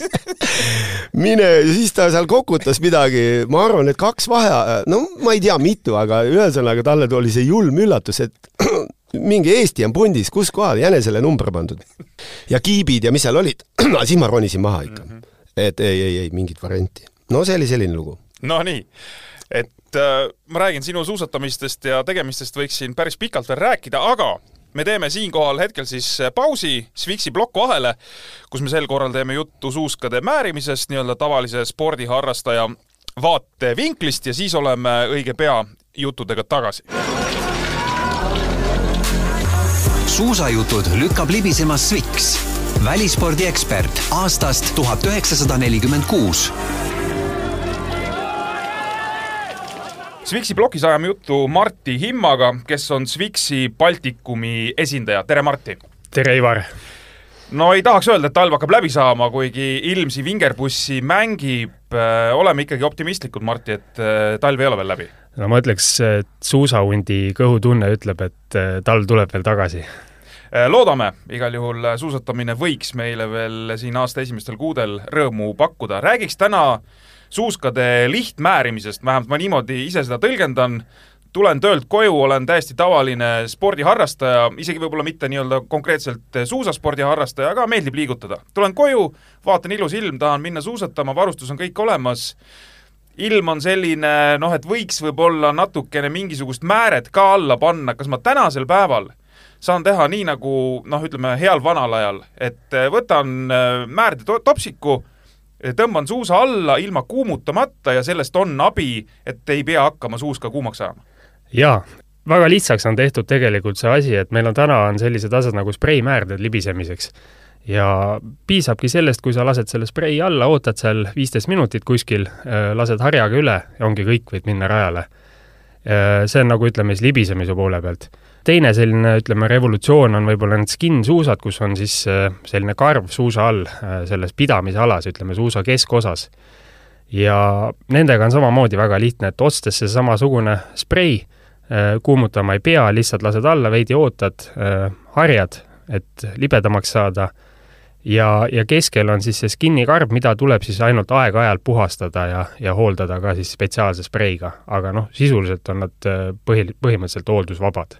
Et äh, väga lihtne jah, iseenesest, et äh, ja siis on aeg-ajalt võib-olla, et kus sa pead viima siis selle suusa äh, kuskile töökotta hooldusesse, aga enamus ajast sa saad ka ise seda äh, jooksvat hooldust teha. Äh, lasen sprei alla, palju ma sõitma pean, et põhimõtteliselt see sprei sealt või see määre sealt ära tuleks, et et ütleme, oleks äh, mõistlik midagi järgmist alla panna või siis äh, sa ütledki, et et panen ühe korra ühte spreid alla ja enne järgmist ei pane, kui peab ikkagi suusa hooldusest läbi viima? ei, võid ka panna, võid panna põhimõtteliselt enne igat trenni ka, et noh, ütleme selline äh, ütleme, kuldreegel on see, et kui sa näed, et suusapõhi hakkab halliks minema, et noh, siis võiks nagu midagi panna. ja hea oleks ka vahepeal, eks sinna töökotta viia, et kui ta nagu ikkagi väga halliks hakkab minema. aga noh, kui me räägime harrastustasemest, siis ega seal midagi ei juhtu, et piisabki, kui sa siis vahepeal paned seda libisemist juurde, et vastavalt siis ilmale see, see sprei. Kui me täna võistlusspordist ei räägi, räägime sellisest harrastusspordist. tõesti, tahan lihtsalt eh, tervise heaks suusatada kui palju see treening võiks kesta, noh, selles mõttes treening, et siis liigutamine seal metsa vahel või ükskõik, kusagil põllu peal ringi peal, et äh, lähen ja peaks olema tunnikese või ütleme, pool tundi ajab ka asja ära? no ma arvan, et tegelikult iga väljaminemine, isegi kui see on pool tundi alates, et äh, see on juba parem kui mitte midagi, et äh, ega ma isegi vaatan, et vahepeal siin tööpäeva lõpus, et selline noh, viiskümmend minutit, tund võib-olla, võib-olla jõuad, et et kodus on väike laps ka, et siis noh, vaja laps magama panna ja nii edasi, et ei saa väga kauaks metsa jääda, aga ma arvan, et see enesetunne juba sellest äh, tunnikesest on juba väga hea. määrimise koha pealt ka ikkagi veel, kui ma nüüd äh, olen hästi laisk, no tõesti ei viitsigi midagi alla panna, võtan suusad kaenlasse, lähen, nüüd äh, ilma määrimata suusk ja määritud suusk, see sõidumõnu on hoopis teine ütleme, et seal võiks öelda, et see oleneb natukene ilmast, et kui meil on selline äh, miinuskraadiga vana lumi, jäine lumi, eks, et seal libiseb äh, noh, ütleme, kõik libiseb küllaltki hästi, eks seal tulevad vahed, eks, kui sa paned midagi alla või sa ei pane, aga üldiselt sul on hea libisemine. aga vahed võib-olla on suuremad siis, kui on seal niisugune nulli ümber ja värsket lund on ja ja siis on kindlasti see efekt, ütleme siis määritud suu-, suusast ikka väga palju suurem, et äh, on ikka mõnusam sõita. ja klassikasuusast ka paar sõna tahan minna klassikat sõitma, kuidas sellega on nii-öelda lihtmäärimine võimalik või ei ole võimalik? noh, nagu ma enne ütlesin, et siis see skin suusk, ütleme selle karvaga suusk, et see on üks selline väga lihtne variant sellisele äh, rattamehele, ütleme siis näiteks, et äh, saab kiiresti minna ja, ja sul on väga hea pidamine kogu aeg aga kui mul on tavaline suusk? kui sul on tavaline suusk, ega siis, siis on samamoodi, et noh, siis on tähtis see, et sa valiksid ilmale vastava pidamismäärde, et noh, kui on selline miinuspoole ilm, et siis tegelikult äh, seal ei olegi midagi keerulist, et äh, selle määrimise juures, et samamoodi saad, piisab sul sellest määrdepurgist ja, ja korgist ja sa saad kodus panna selle ilma mingit äh, suusapukki omamata täiesti vabalt suusa alla. Ja, ja, ja nautida seda suusatamist noh, seal ongi väiksed teadmised lihtsalt, et äh, vaja teada või purgi peal on kirjas, et mis, mis kraadile siis see määre vast-, vastavalt sellele on ja üldiselt see nii ka toimib, et äh, tegelikult ei olegi midagi väga keerulist. selge, nii et põhimõtteliselt, kes äh, vähegi tahab, saab ise hakkama? jaa, kindlasti. ja noh, ütleme, kui me Swixist räägime, siis Swixiga meil on väga palju õpetusvideosid ka, Youtube'is saab vaadata, kus on Swixi määrdekliinikud nii-öelda üles pandud, et seal saab vaadata kuni siis maailmakarika tasemele äh, Äh, määrdenippideni välja, et äh, et kes, kes tahab, et see leiab seda materjali kindlasti, kust õppida. aitäh, Martti, soovituste eest, loodame, et talv ei ole meid jätnud ja nii, nagu sa ütlesid, et vana suusahunt tunnetab, et see talv veel, veel tuleb tagasi ja me saame suusamõnusid äh, nautida. nüüd aga läheme saatejuttude juurde tagasi. suusajutud lükkab libisema Sviks, välispordiekspert aastast tuhat üheksasada nelikümmend kuus nii, me oleme juttudega tagasi ja räägime nüüd juba nendest, kes tänasel päeval sporti teevad noorteklassis. jutt käib siis sinu pojast, Frederik Marten, ja tütrest äh, Viibekest. vanused on neil viisteist ja seitseteist, eks Jah. jah mm? -hmm. aga nad on mõlemad sportlased, täisverelised, jah. täisverelised. sinu peres teistmoodi ei saa? Ma ei tea, kuidas see nii on välja tulnud. et äh, no vist ei saa jah, et äh, tuleme siis tagasi või? millegipärast äh, nad jah, pandi suusa peale ennem, kui nad kõndima õppisid. et põhimõtteliselt ütleme sama valem, nagu sinul oli kunagi? no nats, nats julmem. nats julmem? no jaa, et kui ma olin, siis mida ma mäletan ja pildid on, et aga umbes sama jah mm. -hmm. ja täiesti täpselt, põhimõtteliselt ikka sama Mhm. stsenaarium mm. -hmm. kohe suusa peale, minu isaga oli hullem, ta oli ju meremees, et kust ta, kuna ta tuli üldse ja mis ta tegi, aga mina siis olen ju kogu aeg olnud suusa peal, määrinud neid äh, suuski ja, ja kui lapsed sündisid, nad olid mi, minuga kaasas, Olosel antud hetkel Moonia, ja mis seal teha siis, ikka suusa peale, no mis ma siis niisama vannitan neid või? ei, absoluutselt. ja see, et see sport hakkas neile meeldima, kas see on, ütleme niimoodi, kuidas ma ütlen, see ei ole nagu pahasti mõeldud, et peale sunnitud või tegelikult sa näedki, et neil silm särab ja see justkui on osa nendest?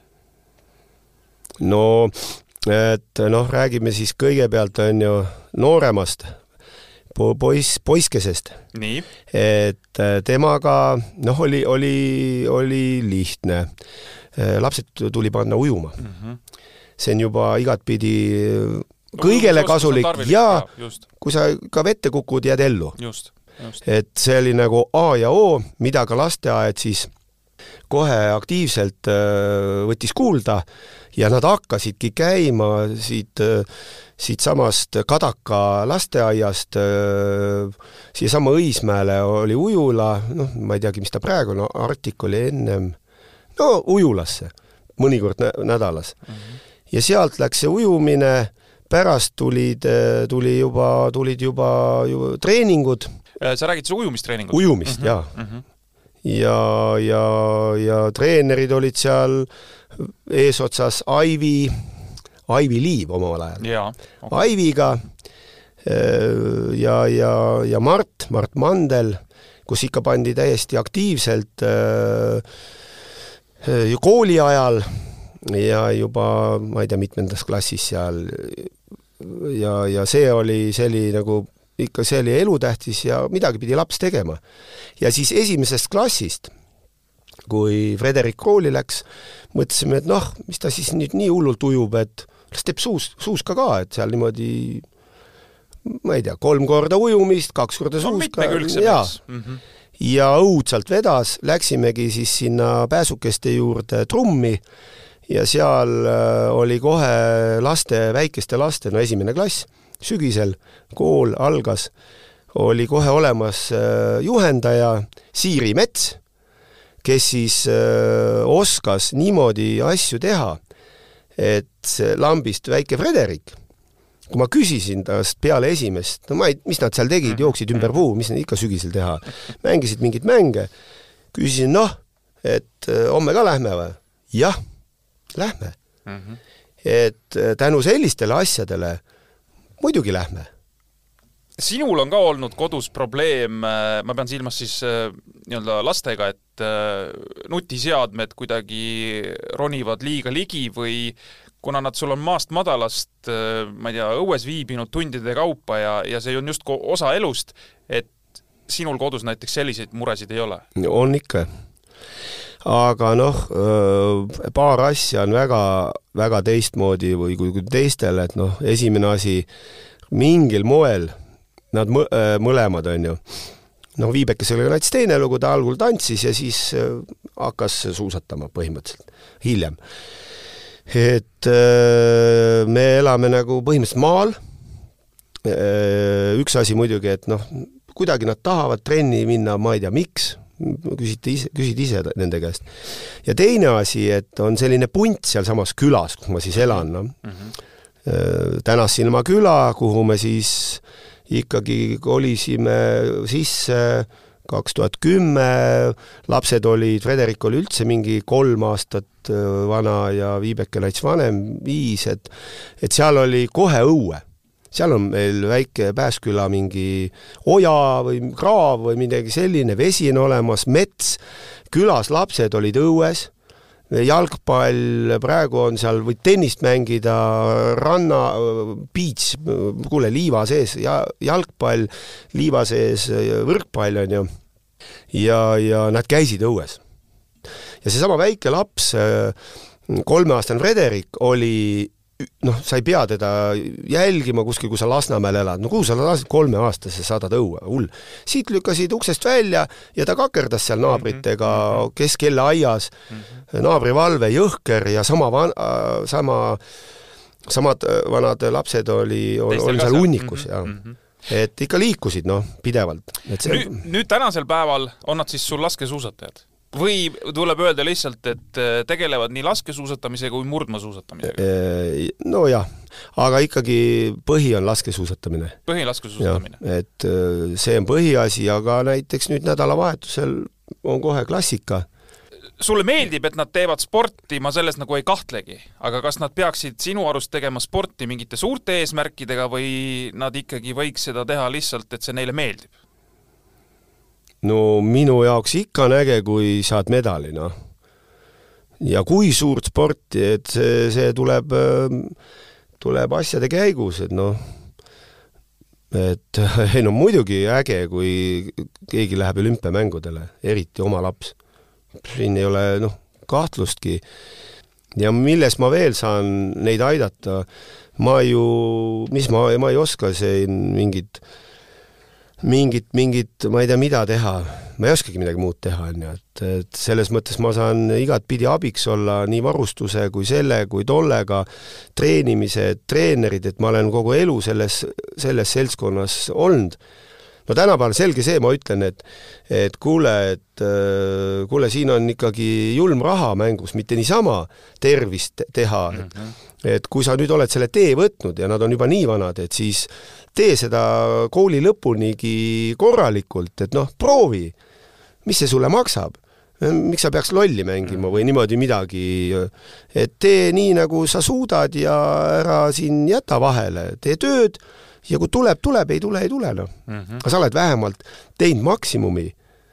ja vot seda ma ütlen kindlasti, no see on nagu, nagu ma ikka lendan peale, noh mm. -hmm. ei ole nii, et äh, mm -hmm. jull jõuab, tead küll jõuab siin, elu on pikk, on ju. või siis selle, et kuule, sporti tehakse ainult teatud aja, et davai, tõmba nüüd. et äh, aga rahulikult ja praegu on nad täiesti aktivistid ja ei saa midagi paremat olla, kui, kui inimene ise tahab minna ja teha ja kui sa saad aidata asja. veel, eks, on ju, sinna kaasa. ja kui mina saan ja. aidata, et noh, et võib-olla ongi selles vanuses liiga aktiivseks asi läinud, et õppimised ja asjad ja et, et ei ole lihtne, aga tänapäeval on kõik võimalused olemas, et noh, vaata õppimisega on see asi, et minagi võin ülikooli minna, kuule, ja neli tükki lõpetada, kui tahan mm. -hmm. ainult kui ma tahan mm. -hmm. ja sporti muidugi sa ei tee kaua mm. -hmm. ei tee tippsporti ma mõtlen. absoluutselt. Äh, sinu lastel on olnud kogu aeg äh, maailma parimad suusad selge see, võiks, võiks öelda, et isegi juba sünnist saati on äh, Fischer sponsor olnud. sellega nagu ära ei hellita, et ma, ma lihtsalt tõmban praegu korra paralleeli mõne muu alaga, kus liiga vara tuleb liiga hea varustus ja pärast mingil hetkel, kui sa lähed kuskile mingi klubi juurde ja sulle antakse näiteks kehvem sõiduriist või mingi asi, et siis on kuidagi ebamugav, aga suusatamises seda vist no, ei ole, eks? no mu, no see on sama teema, et mul on nüüd Ferrari ja Lada on garaažis mm. -hmm. aga kurat, tõmban selle Ladaga ikka. tõmbad viimasteks enne ja, selle. ja, ja siis ma saan tugevaks vaata siis ma lähen Ferrari'ga, et praegu ma ei näpi no kurat, kui need suusad on olemas, mis ma neid puusuuski topin alla või? muidugi Jaak Ma ei ole minuga nõus, on ju, et ma lastele pulbrit alla panen, aga kui sa tahad konkurentsis olla, sa pead seda tegema mul ei ole mõtet seda last saata puusuusaga sinna võistlema, kuigi võiks kõik lillaga tõmmata, milleks mm? -hmm. mul on ülikõva võimalus saada neid suuski äh, ja asju ja, ja, ja mul on kahju, muidugi mul on kahju nendest äh, lastest, kes siis tulevadki mingi lühikeste keppidega või mingite, mingite ümarate suuskadega, noh, noh, neil ei ole võimalusi mm. -hmm ja see on üli ebaaus mm. -hmm. ja ma, ma ei, ma ei oska kuidagi siin noh, aidata, et aga noh, tänapäeval ikka enam, enamusel on enam-vähem, aga ma tean juhtumeid, kus laps lähebki minema sellepärast, et tal on ju lada, noh, kõik tõmbavad Ferraridega ringi, mida ma siin kakerdan. tema kuradi enesehinnang, kõik langeb nii nulli, ta lahkub kuigi ta võiks olla äh,, tampida edasi selle puusuusaga ja ta ongi kuradi olümpiavõitja ja poole kõvem kui minu Ferrari mehed siin. kas sporti peaks tegema selle pilguga, et mõtleme ette, et äh, kui ma nüüd spordi tegemise kunagi lõpetan, et siis mul peab olema mingisugune materiaalne kindlustatus ka? ei, see on võimatu. ma arvan, et see niimoodi ei mõtle mitte keegi, noh see materiaalne, no see, sa pead ikka jõhkralt pärjama, sa pead, ma ei tea, mis, kes olema. et sinna jõuavad ainult üksikud. aga muidugi, mis, mis, mida peab aina mõtlema, on see, et ikkagi õppida ja omandada mingi amet, sellepärast et ülivähesed, siis eesotsas ka siis minuga, kes te-, tegid sporti ja põhimõtteliselt ei oma mingit haridust, null läksid edasi ja suutsid omale siis mingi elukutse või siis mingi leiva lauale äh, orgunnida, üldjuhul seda ei juhtu. mul on vedanud jälle vist noh, et kuigi ma olen mures kogu aeg, et see asi, no nüüd on mul lapsed õnneks, on ju, et äh, aga no noh, kas mul, minu lapsed nüüd mulle leiva lauale toovad, eks me seda näe, aga siiamaani ma olen, see, see leib on mulle lauale tulnud ma tassin suuski inimesed. ja aga, aga lastele ja kõigile teistele lastele kindlasti samal ajal, kui sa suusatad või teed sedasama sporti, tippsporti isegi, siis õpi ja omanda midagi. see läheb, seda sul on ilgelt vaja, kui see sport järsku lõpeb, see võib väga järsku lõppeda no okei okay,, sa võid ka siis kohe õppima minna ja omandada väga kiirelt nõudepesija ameti, see on kolm sekundit tööd on väga palju. et nüüd ma lõpetan ja mul on miljonid pangas, ei, ei, ei. väga vähestel? ma, no väga vähestel see juhtub mm -hmm. esiteks ja eriti sellisel spordialal, nagu ma mõtleks tennise või mhm. jalgpalli peale, siis kindlasti. ja enamus tambivadki seda jalgpalli ja mõtlevad, et kurat, lahkun Ronaldona ja mm -hmm. ja ma ei pea midagi enam kunagi mitte midagi tegema, aga noh, selle suusatamisega tegelikult noh, ikkagi midagi sa võid teenida, aga sul peab ikka olema mingi kutsumus, mingi amet edasi. pärast kas... tippspordi lõpetamist teha? selge, tänud, Urmas, et sa tulid, ma räägin, me võiks siin tegelikult äh, veel tundide kaupa lobiseda ja, ja võib-olla äkki kunagi tulebki veel mõni suusajutt, kus sa tuled ja räägid ja võib-olla on siis juba keegi näiteks sinu Äh, kodustest ka kaasas äh, noorema põlvkonna sportlastest, eks no, me näe, mis elu toob. no absoluutselt, et äh, praegu meil jah, läheb hästi, Viibeke on kuskil Itaalias ja kuigi nad kõik on ülinoored ja proovime siin mitte üle forsseerida, et ja, ja lastevanematele, treeneritele veel kord, et kõik tahavad jule kiiresti kõike saada. et muidugi see on lapsele jule raske seletada kuule, tee tööd ja küll ta tuleb ja aga kui sa ikka oled jälle kuueteistkümnes nagu Nortug omal ajal, on ju, siis, siis et noh, raske on, aga noh, püüdke, ärge visake nii kiiresti seda püssi nurka ja, ja noh, minu lastega muidugi hästi läinud, nad on, nad on pjedestaalil ja, ja on ka, on ka, on ka viimased, on ju aga vot see inimene, kes kuna noh, kaks aastat tambid ja pjedestaalil ei saa, no joh, Heidi, kuidas sa siis alustad seda kolmandat, et aga tehke ikka proovidega nii kaua, kui vähemalt koolis käite. edu sulle, Urmas, äh, aitäh kõigile, kes äh, saadet kuulasid ja meil on jaanuarikuus üks suusajuttude podcast veel tulemas, nii et äh, kuulmiseni! suusajutud lükkab libisema Sviks välispordiekspert aastast tuhat üheksasada nelikümmend kuus